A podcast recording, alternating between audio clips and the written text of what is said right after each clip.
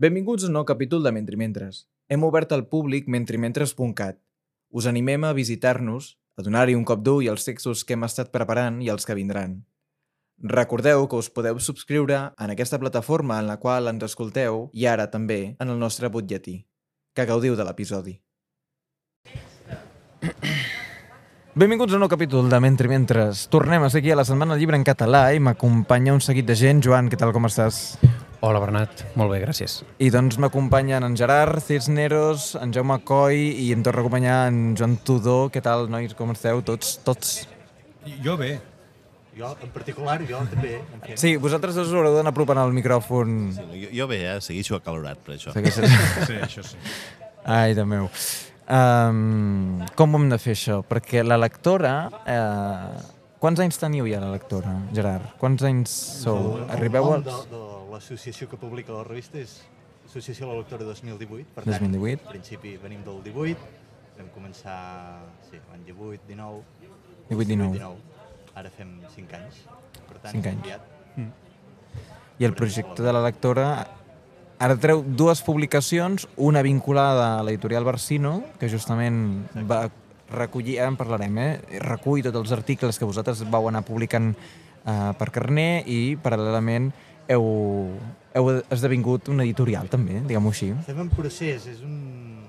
Estem esdevenint editorial, no? S'està costant una mica la, a la cosa pràctica, però ja acabarem de fer el part d'aquí un temps. Bueno, el, el llibre hi és, i a les llibreries em penso que també es pot trobar Es pot algunes. trobar algunes llibreries de Barcelona, alguna llibreria de Vic i, I de Manlleu. ens, ens anirem expandint, i de Manlleu. I de Manlleu.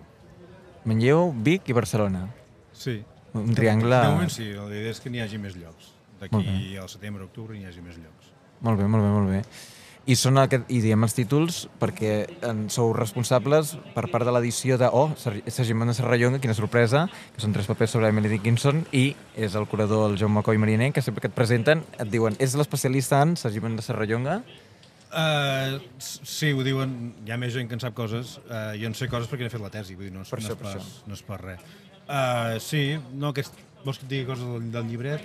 Jo començaria potser pel carner pel- perquè en Joan vol, però... Bé, ens hem En Joan vol. per Ostres. No, però em semblava no, bona val. idea començar... En començar... No, jo no, jo no mano gens, Per carner. però, però jo trobava que tenia més sentit començar parlant per, per aquest llibre, que és, eh, es titula mm, La lectora, projecte Carner, i que mm, prové d'un un seguit d'articles que durant l'any Carner es van publicar a la lectora. No sé si ens voleu explicar una mica com neix el, el projecte primer de la lectora i després com acaba recollit en, en llibre, com es pensa d'acabar-ho fent així.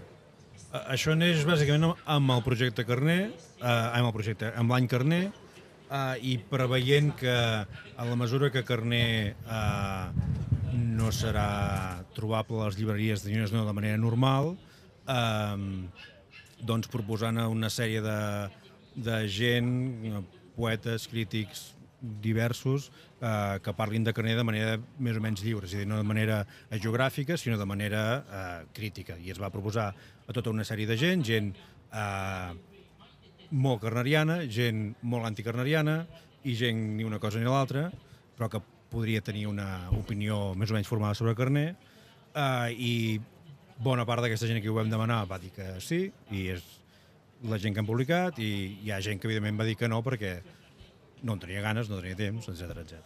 I això neix d'això, neix, neix de, la, de, de preveure que l'efemèride poder no serà el que hauria de ser, en part, i per omplir una mica, una mica un espai que segurament no hi, no, no, no hi seria. Sí, sí. Això de que l'efemèride al final no, no acabaria sent el que hauria de ser, en parlarem, perquè és un dels temes que s'han de tocar tard o d'hora mm, quan es parla de Carner, perquè és un autor, si no l'autor, eh, un dels centrals del cànon de, liter de literatura catalana i malgrat això no hi ha pràcticament cap edició de la seva poesia que sigui trobable a les, a les llibreries, exceptuant les que formen part del, de les proves eh, escolars, com per exemple puc pensar en el Cor Quiet, mm. però mm, per exemple el seu volum magne de 1957 que és tota la seva poesia recollida i, i ell em, em va fer canvis i tot això, això no hi és. I és molt curiós perquè en un dels articles, de, un dels que és potser anticarnerians dintre de... tot i que anti és un, potser no és la manera correcta de dir-ho, que és el... el ai, El de Moreta. Sí, hosti. que no em sortia el nom, que era el meu jefe fins fa, fins fa poc. Imagina't. Uh, perdona, Ignasi. doncs això, el- l'Ignasi té un, té un, comença el seu article dient és que els carnerians són molt curiosos perquè són com una mena de gent que et parla sempre d'un volum que, que, val, que val... I clar, jo em sentia una mica interpel·lat perquè jo també vaig pagar més de 100 euros per aquell volum, Sí. perquè, però clar, què ha de fer algú que vol tenir la poesia de Carner? No? Jo vo- volia fer un incís a- amb la cosa mítica del volum, perquè avui mateix he tingut la mala idea d'obrir Twitter i he vist un tuit del Martí Sales avisant que havia trobat per 40 euros Cada any, el cada Poesia any. del 57 Sí, cada en any, molt cada bon any. estat. Ha vingut un avistament. Sí, Hi ha hagut és- una és- és- vista és això, com és això. exactament I want to això. believe. Sí, sí. Però dic que és, és una situació atípica, si més no, no? És una situació atípica, eh, sí, és una cosa molt estranya. Vull dir, tu ho deies, eh, la, les edicions que es poden comprar no són perquè eh, algú hagi pensat que s'ha d'editar carner, sinó perquè algú ha pensat que s'ha de llegir carner i, per tant, eh, com que el, els nens han de llegir carner, correm a fer una edició de carner i qui l'ha de fer, que és el senyor Jaume Coll, que no sóc jo, sinó el senyor Jaume Coll, eh, se li demana que faci aquesta edició i que, i que l'entregui. Però si no hi hagués aquest, eh, aquesta instància superior, que és educació o no sé qui és, aquests llibres tampoc hi serien, segurament. El problema, per tant, segurament és aquest senyor que es diu com jo. Vull dir, que no acaba... Però- que és... Quina relació teniu? Ah, ens, coneguts. Coneguts però casualitats, també. no? Casualitats, sí. Eh, els nostres pares van tenir la, la idea de posar-nos de la mateixa manera I els dos llegeixen Carner? i els dos llegint carner, però... però... No, sí, bueno, hi ha aquest senyor que hauria de, de fer una feina que, que quan la fa, la fa molt bé, però el problema és que no, no l'està fent. Però Bàsicament. també és veritat que hi ha una situació una mica complexa, o, o sembla que hi és, perquè també es va parlar durant l'any Carner, els que el seguíem perquè teníem la intuïció que millor era el moment, se'ns se'ns va dir que es publicaria una edició de butxaca de la... Sí, sí. i al final, finalment no es va publicar. De fet, moltes de les coses no es van publicar i es va acabar publicant eh, Eva i, al, i altres contes, Sí, um, però ja està. La, I, la i que no la- l'edició, o sigui, el, Mar- el, el Marc Marçó continua sent Jaume Coll, en aquest cas, però l'editor, en aquest cas, era Marcel Ortín, que és algú que, que, que aquesta feina ja la, ja la té feta, també. Jo volia incidir en que la versió no oficial que s'emet és que Poesia del 57 serà a les llibreries en menys de dos anys. Això també us arriba a vosaltres. Mm, I no us ho creieu. No, però, però ja és que hi ha una cosa, i tampoc vull... Va, digues tu. No, no, anava a dir que sí, que és una cosa que eh, s'ha sentit i que per part de l'editor mm, es va comunicant això, però també és veritat que els, els terminis que s'han anat comunicant sempre han anat variant i endarrerint-se una mica. O sigui que Sí, hi, ha, hi ha una cosa, podem m'equivocaré en, en dates, i, i, però bé, que s'entengui. Uh, tu vas a la pàgina web de la Cata de Carner i, di, i et diu que aquest any s'ha publicat el primer tom del primer volum de l'obra completa en edició crítica de, de l'edició de l'ECOC, vaja, uh -huh. uh, el primer tom del primer volum, i que l'any següent uh, es publicarà el segon, el segon tom del primer volum. Uh, però aquest missatge és del 2016. Vull dir que aquí passen coses, vull dir que hi ha, hi ha una feina que no sé... No, no sé de qui és culpa, tenim intuïcions de qui pot ser culpa, però no s'està... Hi ha una feina que no s'està fent. O que s'està fent però no es deixa, no es deixa llegir. Hi ha una feina no, que sí es fa, Sí, que és- que no cal parlar-ne més d'això. Sí, hi ha una feina que sí es fa, que és la del de, projecte Carner, com dèiem, i que hi ha una cosa que també has dit quan, quan ho estàs presentant una mica el projecte, que és que no és un llibre d'homenatge a Carner, o com a mínim no només, és homenatge a la seva literatura, però que com a, com a tot bon escriptor és, és, no és només un poeta, sinó que és una literatura, en el sentit de que hi ha molts carners en aquest llibre. Hi ha moltes lectures, no només la lectura potser menys elogiosa de carners, sinó que dins dels carnerians també hi ha molts carners, no? Això és, és un autor que ho permet. No sé si estaríeu d'acord amb aquesta... Sí, evidentment és un autor que ho permet i per això és un clàssic, perquè, però la idea també és entendre que un clàssic és una cosa viva i que, per tant, les edicions, sobretot això que dèiem, no només té un sentit de queixa i de carner d'una institució, del país, no sé què, sinó el fet material de poder tenir llibres per poder-los llegir, per poder-los comentar i perquè és un autor que continua funcionant. Llavors, d'aquí que hi hagi eh, sí, un anticarnerià o, o el marrogat mm, agafant-lo des de molts llocs diferents, però molta gent agafant-lo de llocs diferents, perquè aquesta és la, la gràcia de, de l'autor i una mica de la, la voluntat que teníem de, de fer patent que se'l pot que t'hi pots aproximar de moltes, des de molts llocs. També cal dir que, la, que el, el conjunt d'autors que surten al llibre és, és impressionant, perquè estem parlant de Pere Ballar, Arnau Bàrios, eh, Gemma Bartolí, eh, Carlota Casas, Enric Casasses, eh, el, eh, Gerard Cisneros, ev- ev- evidentment, eh, Jaume Coll Mariner, que també el tenim aquí, Jordi, Jordi Cornudella, Xenia de Conova, Artur García Fuster, Pere Gim Ferrer, Jordi Marrugat, que l'havíem comentat, Gemma Medina, Esteve Miralles, Ignasi Moreta, el meu antic jefe del nom al qual no me'n recordava, Manel Uller, Pere Jaume, Chantal Poc, eh, Arnau Pons, Marc Rovira, Margalit Serra, Maria Sevilla i Joan Tudor. déu nhi I, I cadascun d'ells té la seva, la seva pròpia, apro- el seu propi aprovament, acostament a l'obra de, de Carné, i per aquí voldria començar jo una mica, per, per les vostres, i després, si em deixeu atracar-vos una mica, eh, demanar-vos per algun dels acostaments que hi ha hagut en, de, per part d'altres autors d'aquest eh, recull que us hagi interessat més i per què. O sigui, parlar una mica dels vostres personals i després del d'algú altre. Molt bé. Jo, jo Eh. per... Endavant. Però, encara que sigui breument, eh? Sí. Um, No, no, tens un dels autors aquí també, que També si el pot vols atracar, era l'últim, Sí. en Joan Tudor. Que... És veritat, he dit, el, he dit els noms i quan he dit Joan Tudor no he dit que també estaves aquí, que a més a més eh, el Joan Tudor s'ha quedat des de la- l'anterior entrevista que estàvem parlant del Cristòfol Despuig. Um, D'acord. Um, clar, jo voldria començar per tu, Gerard, Sí, digue'm, aviam. Um, perquè a mi m'ha agradat molt el, el teu article, sobretot perquè es, es comença la discussió sobre l'obra de Carné a través d'autors que potser d'entrada, per la gent que no és molt lectora de Carné o que no ha llegit la crítica que s'ha que s'ha fet sobre la seva obra, se'l relaciona, o sigui, se'l relaciona, per exemple, amb Baudelaire o amb, o amb Nietzsche. I es parla de les lectures que fa Carné de Nietzsche, i això és potser un Carné als que, al, al qual no estem acostumats. No? Almenys a l'escola segur que aquest Carné no hi apareix.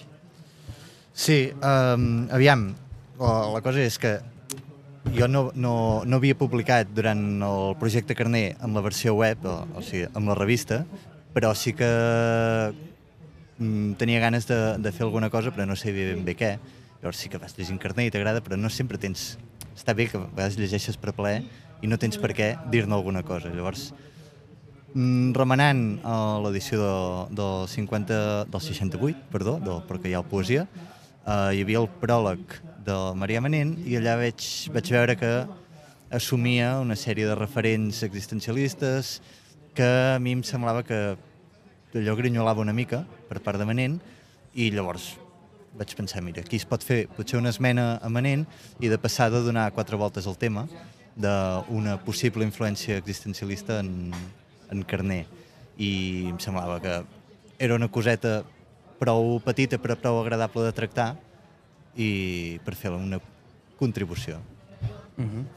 En el cas de, de Joan Tudor, per exemple, eh, ara fa poc he tingut una entrevista amb un, amb un poeta, el Pol Bollamoz, que acaba de publicar un llibre en 1984, i estàvem parlant de la, de la, del, de, de quan Joyce llegia l'Anna Líbia Plurabel, que hi ha com, una, com un enregistrament i tota la pesca, i tu, eh, una mica, eh, ara m'hi has, has fet pensar perquè parles d'un moment en el qual Carné recita un poema, no?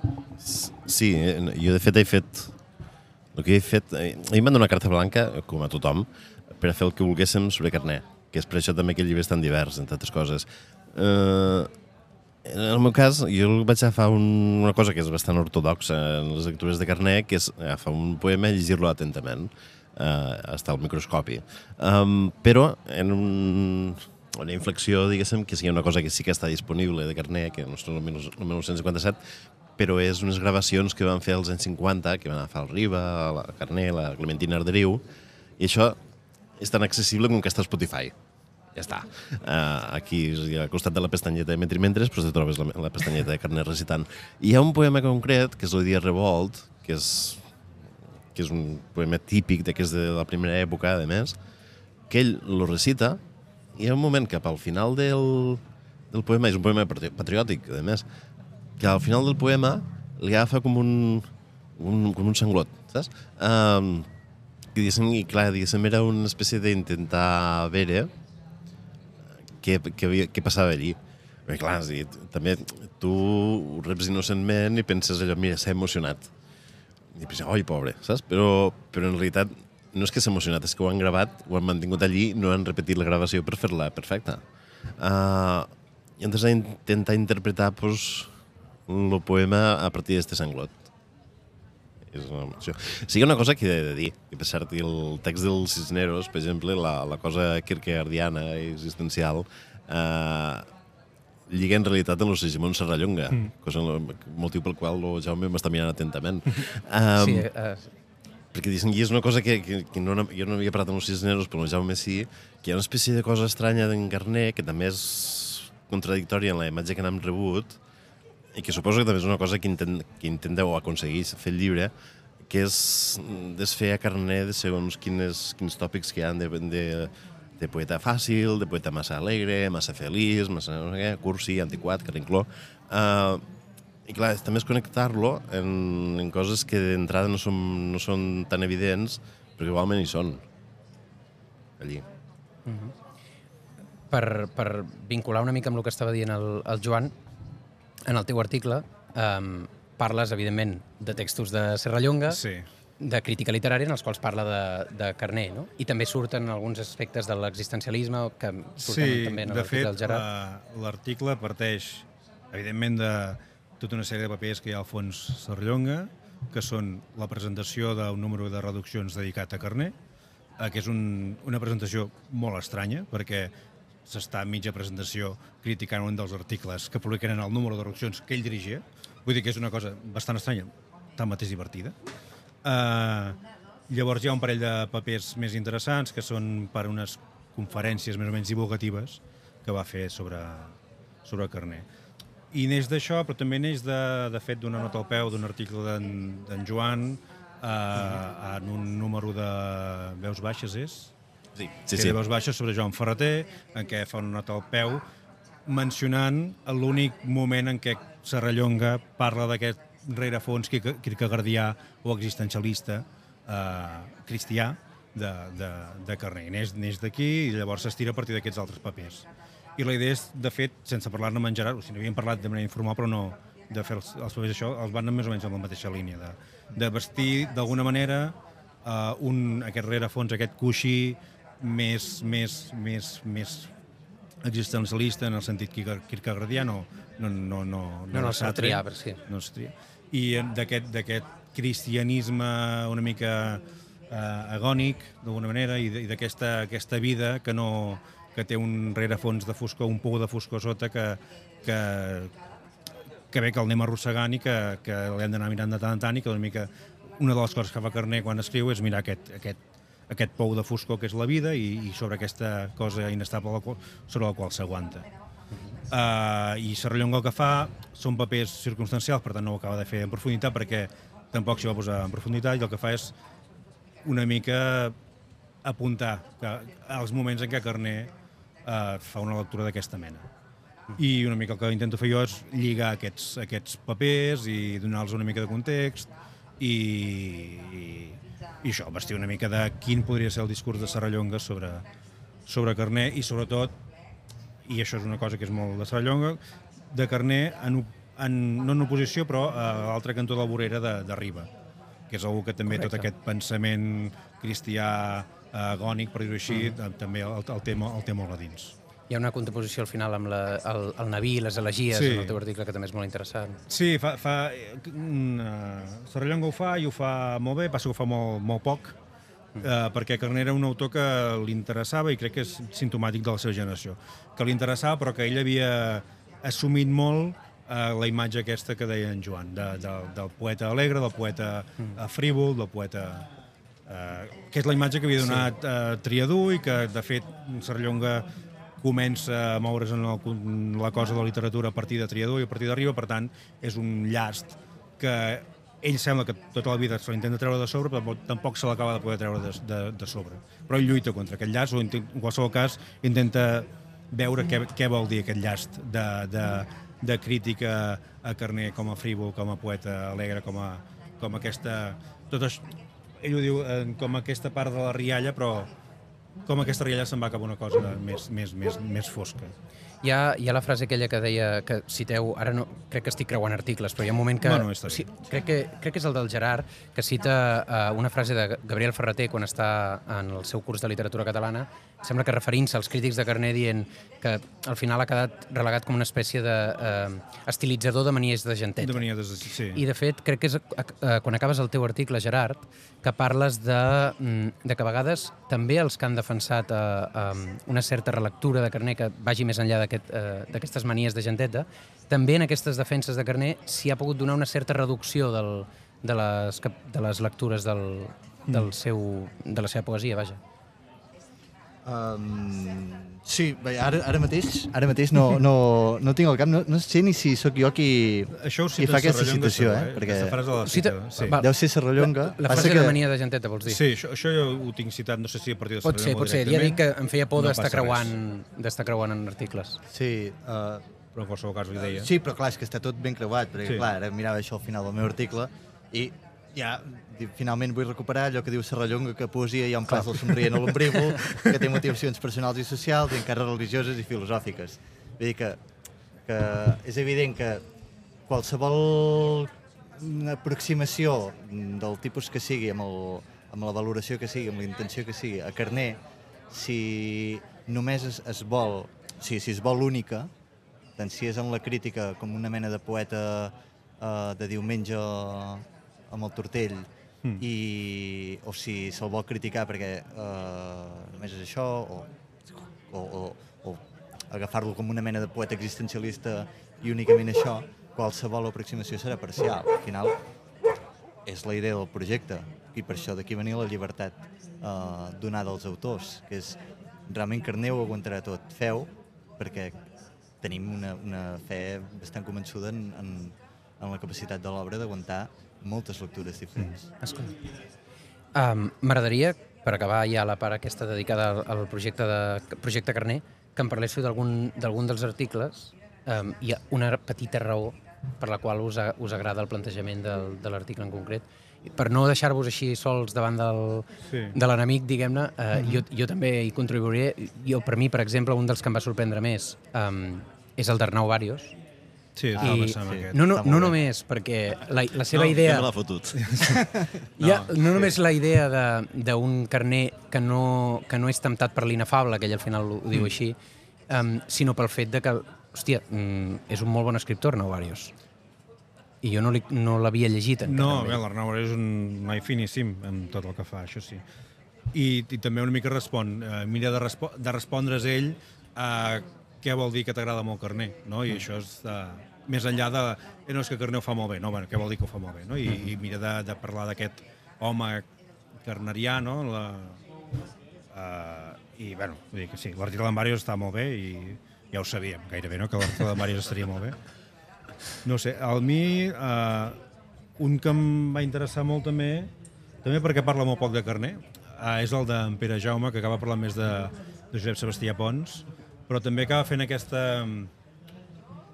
aquesta idea de, de, de com la llengua i el lloc es van encadenant amb Josep Sebastià Pons, amb Carner, amb Manent, i com, com tot això juga, i amb la prosa aquesta també tan, tan,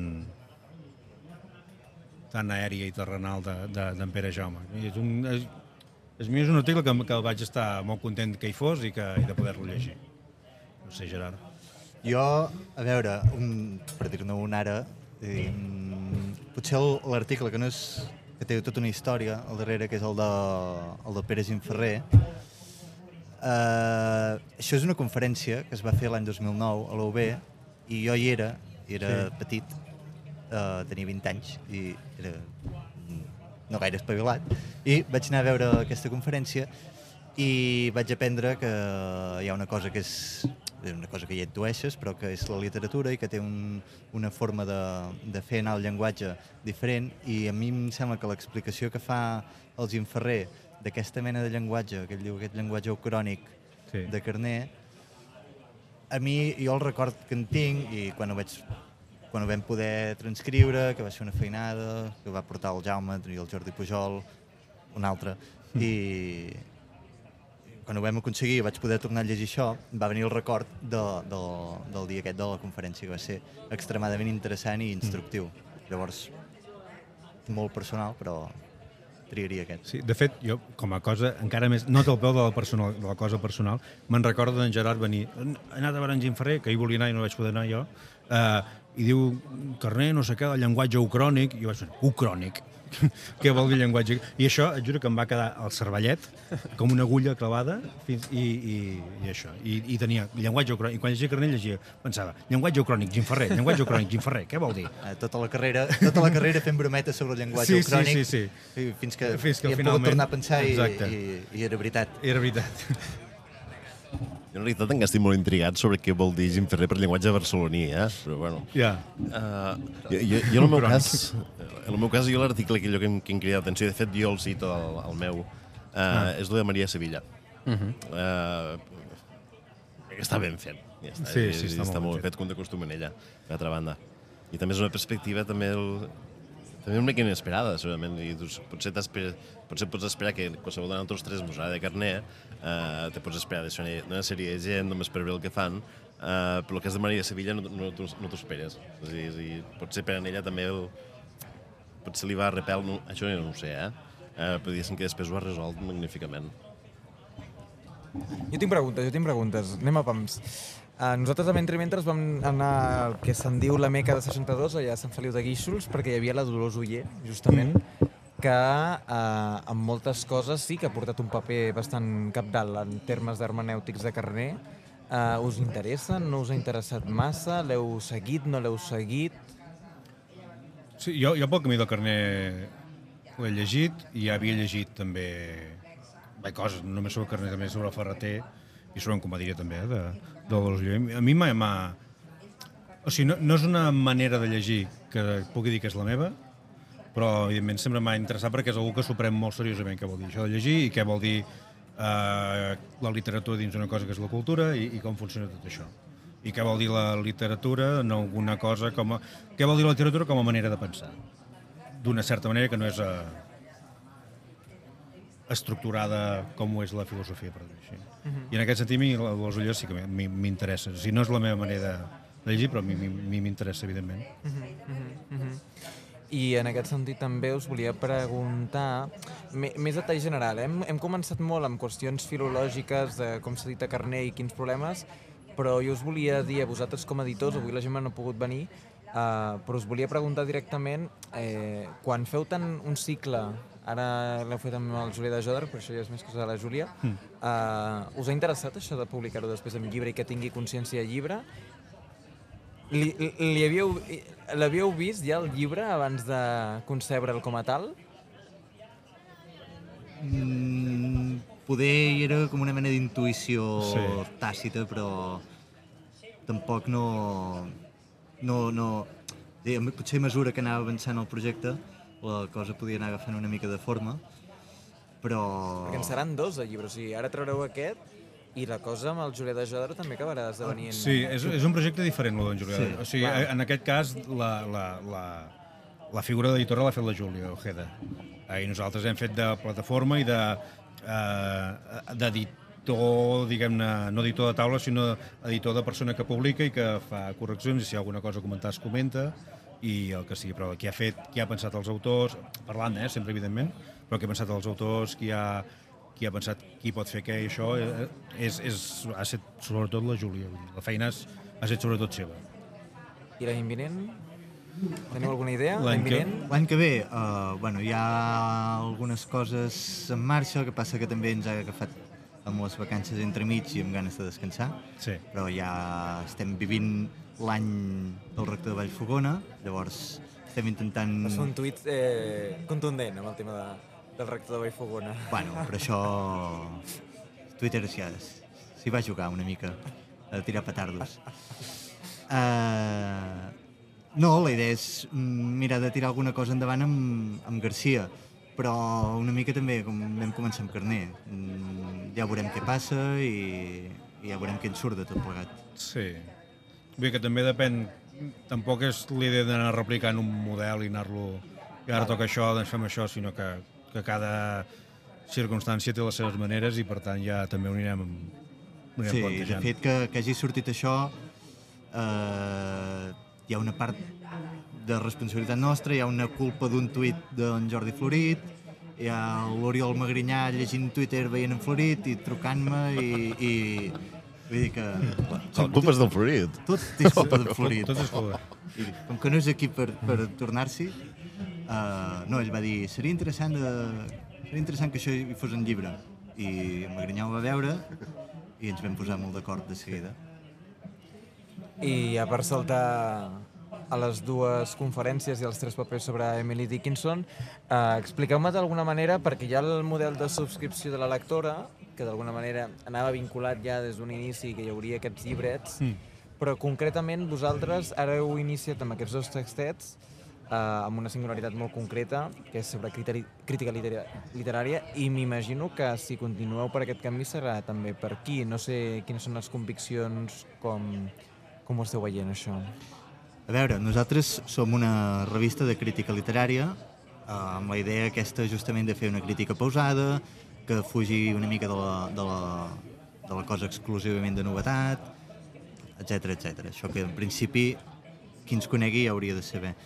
Llavors els llibres no deixen de ser una ampliació d'aquest missatge. Un llibre encara és més pausat que, una, que un article i són llibres de crítica literària o de pensament estètic, per tant, el tema és sempre més o menys el mateix, i la línia que volem seguir és, és aquesta, amb autors d'aquí, amb autors de fora, de moment amb, tots són morts, en algun moment intentarem que, que no passi, que no, no estiguin morts els autors, i, i tirar per aquí.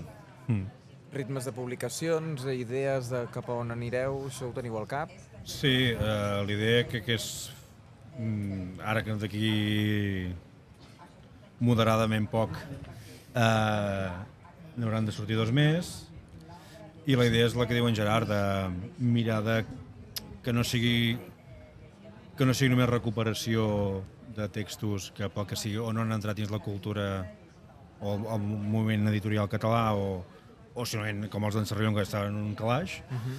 eh, sinó que participin una mica de, de certa cosa d'actualitat i per tant la idea també és demanar autors vius que facin alguna cosa i diguem-ne, bé, això, que hi hagi aquest pensament sobre la literatura o sobre la cosa que és l'estètica eh, bé, que hi sigui, que sigui viva i que, i que funcioni i que això, tampoc sense, sense demanar-nos 20 títols l'any, sinó això, No, 4 o així anar fent. O dos, fins i tot. Sí. Dos, dos en principi és el, el mínim que tenim Sí. que ens hem posat per poder-nos assegurar una certa continuïtat sense entrebancar-nos i, i que al final no surti res. Sí. I ja per acabar, us volia preguntar a tu, Gerard, i a tu, Jaume, si vols comencem amb tu, Jaume. Aquests tres papers dius que estaven en un calaix, uh, En una carpeta. una carpeteta, però eren citats, de dir, la gent n'era conscient de les referències sobre Emily Dickinson de, de Sagimon de Serrallonga. A mi em sonava haver-ho vist referenciat en algun paper, en alguna referència d'algun anàlisi de les traduccions de Maria Manent. Per tant, el, eh, no sé fins a quin punt era Vox Populi o era un document que d'alguna manera era expressat en un altre lloc per part de Sagimon Serrallonga. Un... Hi ha, hi ha un... Hi ha un article de Serrallonga publicat amb una mena de pseudo pseudònim que és eh, S. Moré, Sí? eh, que és sobre les traduccions de Manent, però és més genèric eh, i tampoc és gaire citat. Potser en Víctor Ubiols eh, en algun moment eh, ho, ha, ho ha citat, alguna cosa semblant, però crec que ho ha citat anant a buscar els papers a, a l'arxiu, perquè el Víctor Ubiols i Serrallonga eren, bé, sí, eren, eren amics. Um, no ho sé, no, no crec que sigui... No sé, no, si són citats, busca'm la referència perquè no... Ah, no, no ho tinc, no ho tinc al cap, o potser és alguna cosa semblant. Pot... Els papers són això, són... venen d'una fabrada de Serrallonga de llegir Emily Dickinson eh, i de llegir Emily Dickinson d'una manera concreta, que és que apareixen el mateix gairebé simultàniament la, les, els, els, el- la poesia de Carla Riba de, de Ferreter i les traduccions d'Emily Dickinson de Manent. Uh, I en la poesia de Carla Riba de Ferreter hi ha un moment en què diu que els darrers poemes de, de Riba uh, venen eh, influïts per la, per la poesia d'Emily Dickinson perquè era l'autor que més li interessava aleshores. I el que fa Serrallonga és mirar de no contradir però sí matitzar que tot, tot, tot, tot això. Uh, I és, són fruit d'aquesta febrada però no acaben de- d'acabar-se. I, I la febrada de Serrallonga també és una mena de febrades molt concretes que és buscar tot el que pugui trobar en, a, en a, a, tot el que tingui a l'abast sobre Emily Dickinson, encara ho hagi de demanar a les biblioteques més remotes, encara ho hagi de demanar a la gent més, més estranya. I això li dura sis mesos, més o menys, i està llegint molt, molt a Emily Dickinson i coses sobre Emily Dickinson. Vull dir que no és, una, no és un acostament així uh, més o menys frívol i, i per sobre de ai, que em sembla Dickinson, sinó que és un acostament bastant, bastant profund. Vaja, que si algú del carrer se'n va ara a comprar l'Emily Dickinson del Marcel Riera no li passarà això. Gerard, sisplau, eh, ens pots parlar doncs, d'aquestes dues conferències ja per acabar, que anem ja fora de temps? Sí, uh, això són dues conferències, uh, en realitat són sobre art i mm. artesania, i s'insereixen molt dins el moment de l'Arts and Crafts i mm -hmm. del modernisme, i la idea de recuperar els oficis, o, si més no, uh, una de consideració digna dels oficis enfront d'un món industrialitzat, el que està vivint aquest moment, aquest procés fort d'industrialització a finals del 19, principis del 20. Són dues conferències estudiants fetes a, a unes als Estats Units, uh, llavors són això, estudiants d'art, estudiants, ell parla d'escoles de disseny, no sé si en aquell moment parlaríem d'escoles de disseny com ara una Massana o una Eina o coses així, però sí que podem parlar d'alguna cosa com els arts i oficis, i llavors eh, el que fa Wild és reivindicar que el disseny o el, aquesta mena d'activitat productiva en el futur el que ha de fer d'alguna manera és recuperar el, la idea de la utilitat i que en la mateixa utilitat hi ha un valor estètic. Llavors, d'alguna manera ens allunyem de la cosa de la contemplació pura de l'art, que vindria de tota aquesta cosa més idealista, romàntica del 19, i estem en aquest moment de reivindicar l'ús i la, la immanència de la mateixa experiència com un valor ètic i estètic. Mm -hmm. Llavors, em va semblar que era molt interessant, a mi em va servir per fer també les meves classes als estudiants d'art i disseny des del punt de vista filosòfic, no, no puc eh, dibuixar ni dissenyar res jo, però sí que feia classes d'estètica, i llavors em va semblar que era útil, encara ara, 100 anys després, o més de 100 anys després, de veure com en la mateixa experiència i en, la mateixa, en el mateix fer de la vida quotidiana hi pot haver una lectura estètica, una experiència estètica. Mm -hmm. I llavors funciona així. Gerard, moltíssimes gràcies. Jaume, moltíssimes gràcies. Joans, moltíssimes gràcies. I això, eh, us seguirem llegint a la lectora. M'imagino que ara obriu curs eh, Sí. d'aquí res. Aquest dimarts, Aquest dimarts? ja comencem.